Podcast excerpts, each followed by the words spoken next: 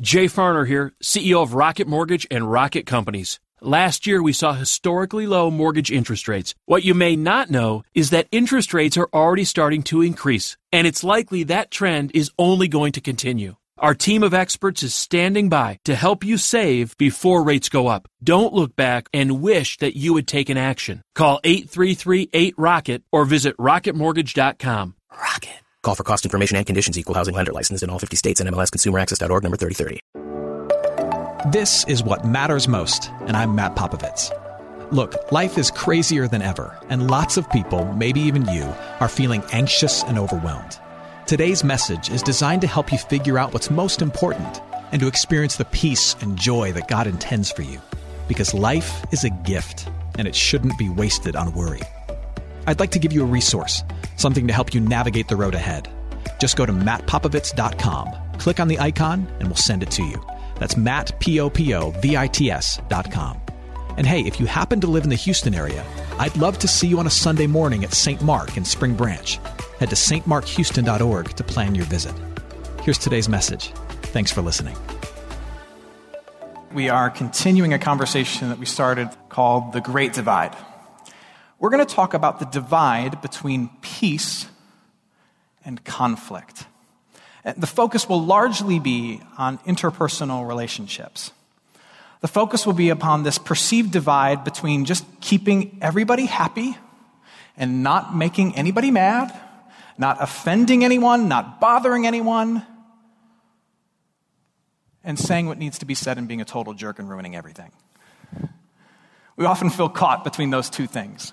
There are people that we know and we love, and because we know them and we love them, we notice things that we think aren't right for them. Uh, some particular choice that they're making, some, some attitude that they've embraced, um, some, some relationship that they're in, or some pattern of behavior, some tree that we think they're driving right towards and they're about to crash into. And because we love them, we notice these things and we want to speak up and say something.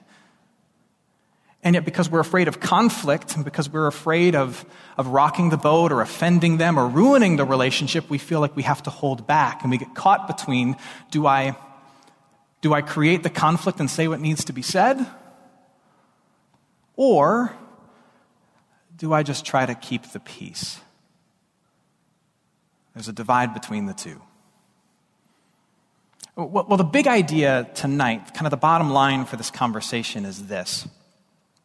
For people of faith in Jesus Christ, we believe that there is no way for you to seek peace apart from conflict.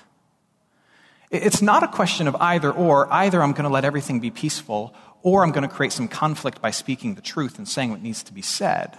What people of faith are led to believe is that if I want to arrive at a real place of peace with this person, where the issues are addressed, where the problems are solved, where shalom, the Hebrew word for peace, is reached, and, and, a, and a greater sense of flourishing and wholeness is arrived at in our relationship or in this person's life who I care about, there's no way for me to get to a place of real, actual, substantive peace apart from conflict. The Christian faith drives us to believe that in order to get to a town called peace, I got to drive through a valley called awkwardness and confrontation that you can't get around. That's what we're going to talk about tonight. You see, none of us wants to be that person. We all know that one argumentative person who it's, it seems to be physically impossible for them to have a conversation without making everybody else mad. No one wants to be that particular person. Or we all know that other person who is the exact opposite, who will avoid a difficult conversation or a sensitive subject at all cost. They will jump into the middle of a difficult conversation and break it up by saying, who wants pie, right? They will do anything to stay away from things that are remotely controversial. And we don't really want to be that person either, because you know that's not right. And we also live in a culture where we are pro confrontation on a macro level in terms of protest, in terms of political movement, but we are very anti confrontation and conflict on an interpersonal level.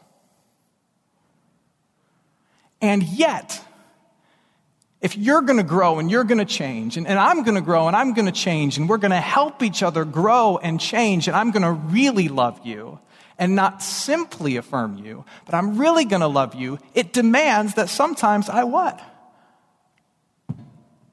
I confront you. I create a little bit of conflict with you. And I break all the rules in an effort to arrive at a real place of shalom for you or with you. From a Christian perspective, there is no way to seek real peace without confronting the real issues. Otherwise, the peace that you enjoy isn't worth much. Following with me so far? Now, that said, Jesus talks quite a bit about this. But the bottom line of, of Matthew chapter 7, verses 1 through 5 could be this, and we're going to look closely at it. Matthew chapter 7, verses 1 through 5, the bottom line is this. Before there can be that confrontation between two people that leads to real peace, there must first, in the heart of the messenger, there must first be reflection that leads to humility. And this is the critical component there must first be reflection that leads to humility. So we may very well agree that, look, real peace means real confrontation in order for me to arrive at a place of really helping you and loving you, and you really helping me and loving me. We can't simply affirm each other all the time. We have to say hard things to get to beautiful places, right? But if I, as the messenger trying to embrace the confrontation to get to a place of peace, if I have an attitude of arrogance or hypocrisy, I undermine everything. This is where Jesus comes in. Jesus says, Judge not that you be not judged. For with the judgment you pronounce, you will be judged, and with the measure you use, it will be measured to you. Now, very often, this is the only section of this particular scripture that we quote. When someone out of love confronts us and says, Hey, Matt, I think you're making poor choices, all of the sudden I get very biblical, and I remember Matthew chapter 7, verse 1. I go, Hey, judge not, lest you be judged. And we kind of wield this Bible verse like a hammer to bludgeon people into affirmation, which is a misuse of the scripture. Jesus' point here is look, be careful when you try to take the place of God and make broad, sweeping judgments on people's morality or their ultimate destination in terms of spirituality, because when you lay the law down heavy on them, just be ready, God will use the same measure on you. You expect God to be a person of grace and mercy. You must also be a person of grace and mercy. If you want to walk around wearing God's shoes, be prepared to feel God's wrath. That's what Jesus is saying. Now, he keeps going though. And he says, Why do you see the speck that is in your brother's eye, but do not notice the log that is in your own eye? Or how can you say to your brother, oh, hey, come here, let me take the speck out of your eye, loser? When there's a log in your own eye. So Jesus is, is creating kind of a hilarious picture here. You got sawdust in your eye, meanwhile, I've got a whole lumber yard in my face. You hypocrite. Here's the critical part. First, take the log out of your own eye. Notice he doesn't put a period here. And then you will see clearly to take the speck out of your brother's eye. Here's what we overlook Does Jesus want you to take specks out of your brothers and sisters' eyes? Does he? Yes or no? Yes. Yes, he does.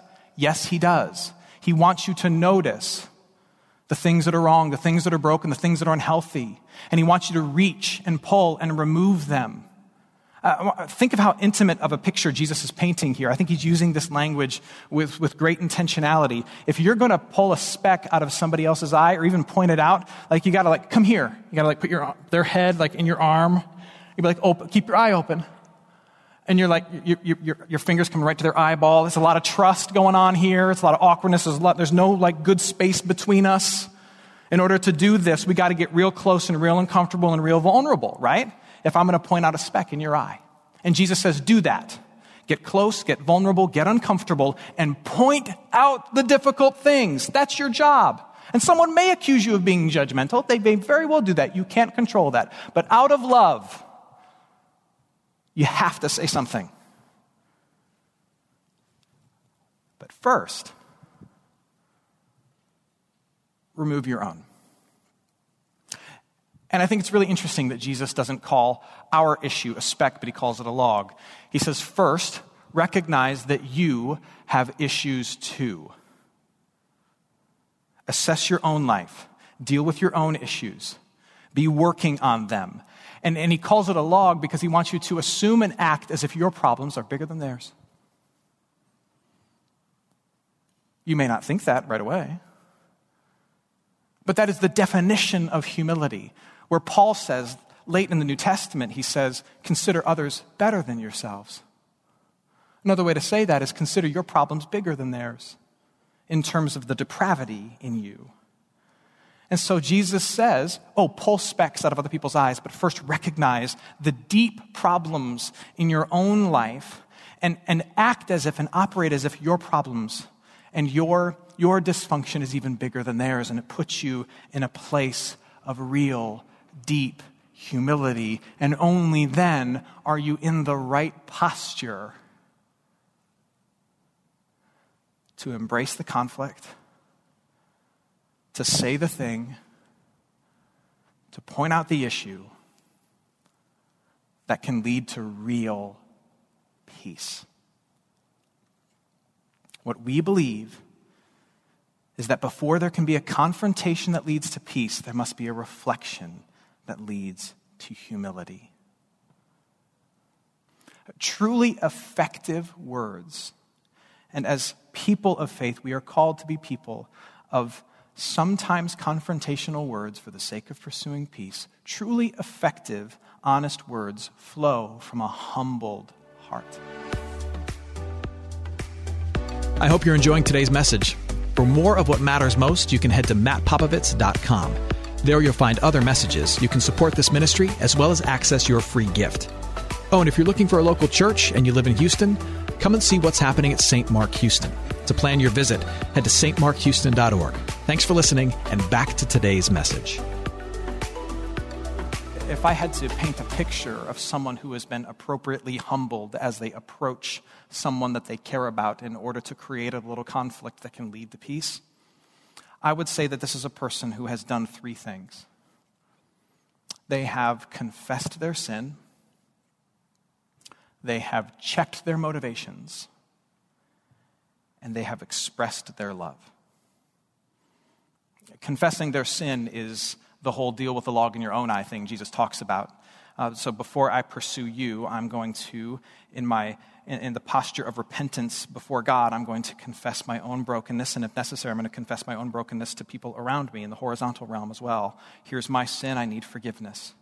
I, I am I am living the humility that I'm going to ask of you as I confront you. Number two, I've checked my motivations. There are some people who are only happy when everyone else is hurting. There are some people who only feel good after they've ruined the party. There are some people who want to point out your problem just because it makes them feel better than you. There are some people who lift themselves up by knocking other people down. And one of the things people of faith are called to do is to make sure you're not being any of those people. Make sure that your motivation is truly one of love and not one of self justification, that your motivation is truly to lift them up by pointing out truth, not to knock them down and make yourself feel falsely larger than life. We check our motivations. And then lastly, as we confront, we also express our love.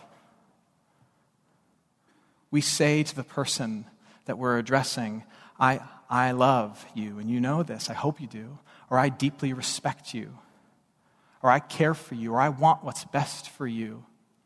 And it's because I love you, it's because I respect you, and it's because I want what's best for you that I can't not say this to you. And when all those things are in place, when our own sin is confessed and our motivations are checked, and it may take a long time to check your motivations and make sure they're in the right place, and our love is expressed as we approach, we're in the best possible posture to dive headlong into the awkward confrontation that has any hope of leading to lasting peace. But we do have to dive into the awkward confrontation. Hebrews chapter 12, verse 14 is a favorite of mine. It says this Strive for peace with everyone and for the holiness without which no one will see the Lord. And what I appreciate about this is that the writer of Hebrews holds in one hand pursuing peace with people and pursuing holiness.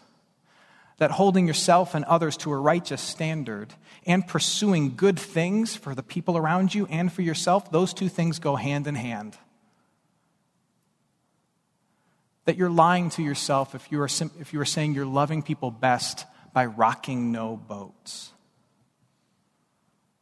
Now, now as I talk about this and as I say this, um, my own heart gets deeply conv- conv- convicted.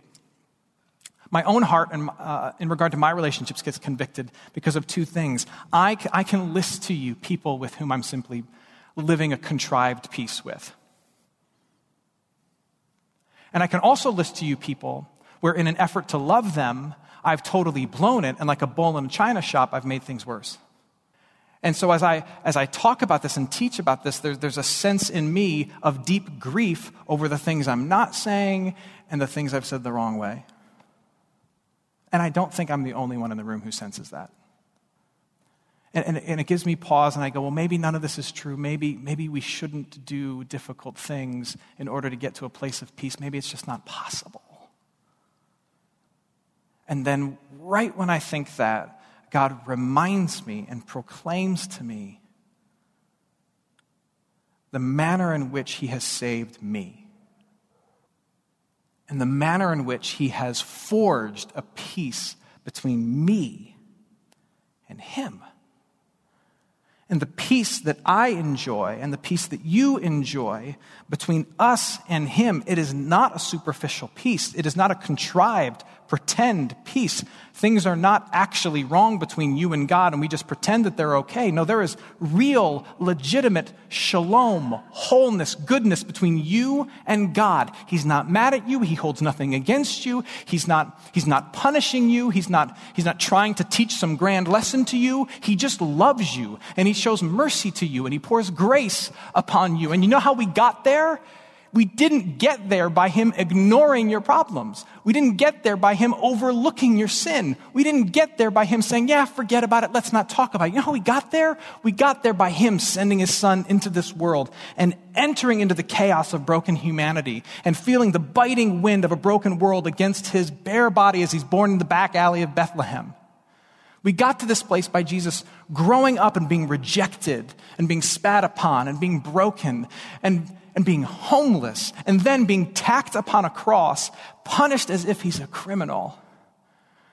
We got to this place because Jesus took on flesh and confronted the evil in this world, yours and mine, and then bore it all as a punishment and took the most horrific punishment in the history of the world, all upon himself. And he said, I'm doing this to confront Matt's sin. I'm doing this to confront Brian's sin. I'm doing this to confront Sarah's sin. I'm doing this to confront Eric's sin. I'm doing this to be their punishment.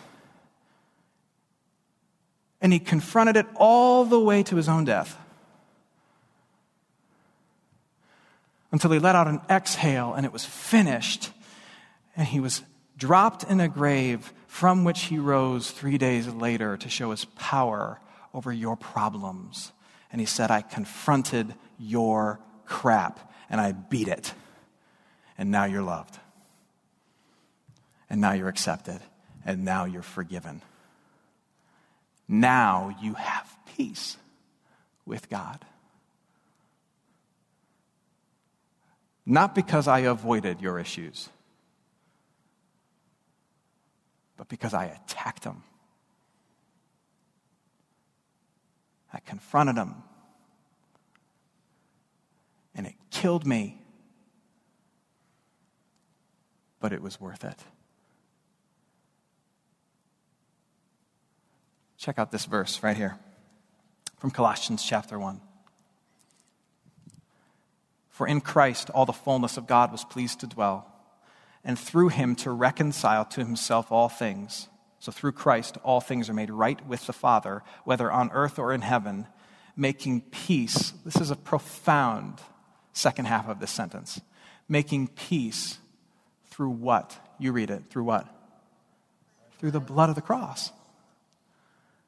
It's a, it's a beautiful image. He made peace. He made your peace by shedding blood.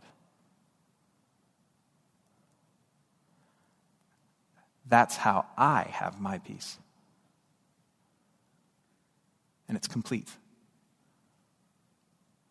So, should it be any surprise that people who've received such peace, won in such a manner, would be encouraged and urged in our own way, in our own relationships, to forge and find peace through the shedding of our own blood.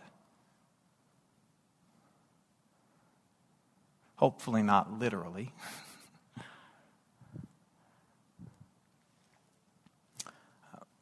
I'll close with a story I've shared with you before. So just pretend like you've not heard this analogy. I've told you before about my grandfather who, when I was younger, liked to make jewelry. But he didn't make jewelry out of diamonds or precious stones or pearls or anything like that. He liked to make jewelry out of rocks he found in the driveway.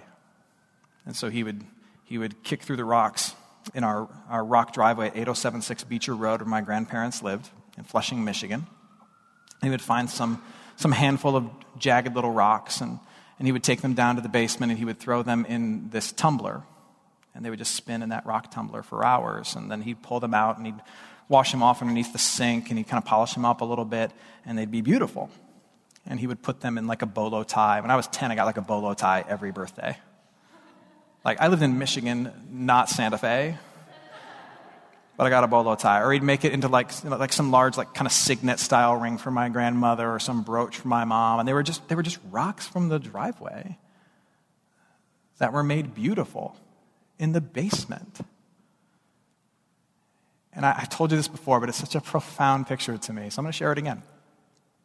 I asked my grandfather, How does this happen? And he said, Well, it's really easy. You put the rocks in the tumbler and you turn it on, and it spins around for hours and hours, and these, these rocks, they just slam into each other over and over and over and over and over and over again. And through, through their constant collision, they knock off the rough edges. And by colliding into each other, they become beautiful.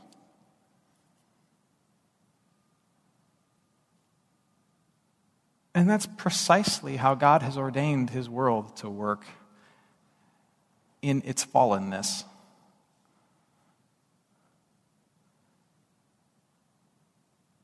We get beautiful through collision, not by avoiding it. We are rocks kicked around and found in the driveway by a divine Father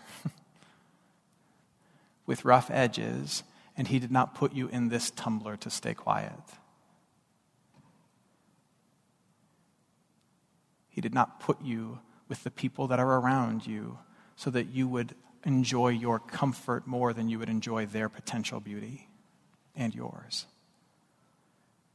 He laid a hold of you and he put you in this tumbler so that you, out of your love, you would see what they could be, you would see what they're headed for, and you would speak up and you would say something and you would act.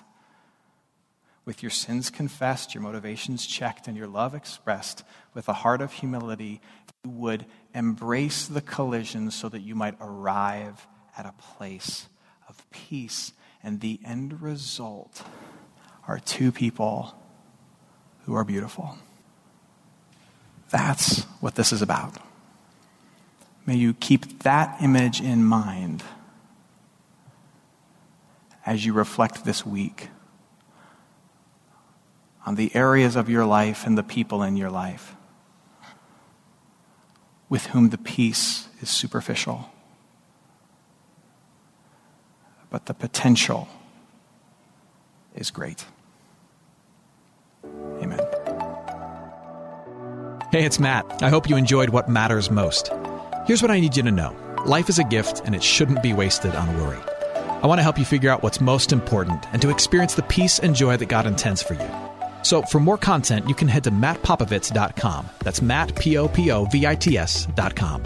There, you can also support this ministry as well as access your free resource, a little something to help you navigate the road ahead. I'd also love to see you on a Sunday morning. If you're in the Houston area, head to stmarkhouston.org to plan your visit. In the meantime, hit me up on Instagram at mpopovits or at facebook.com slash Ministries. Thanks for listening. Now go and hold tight to what matters most.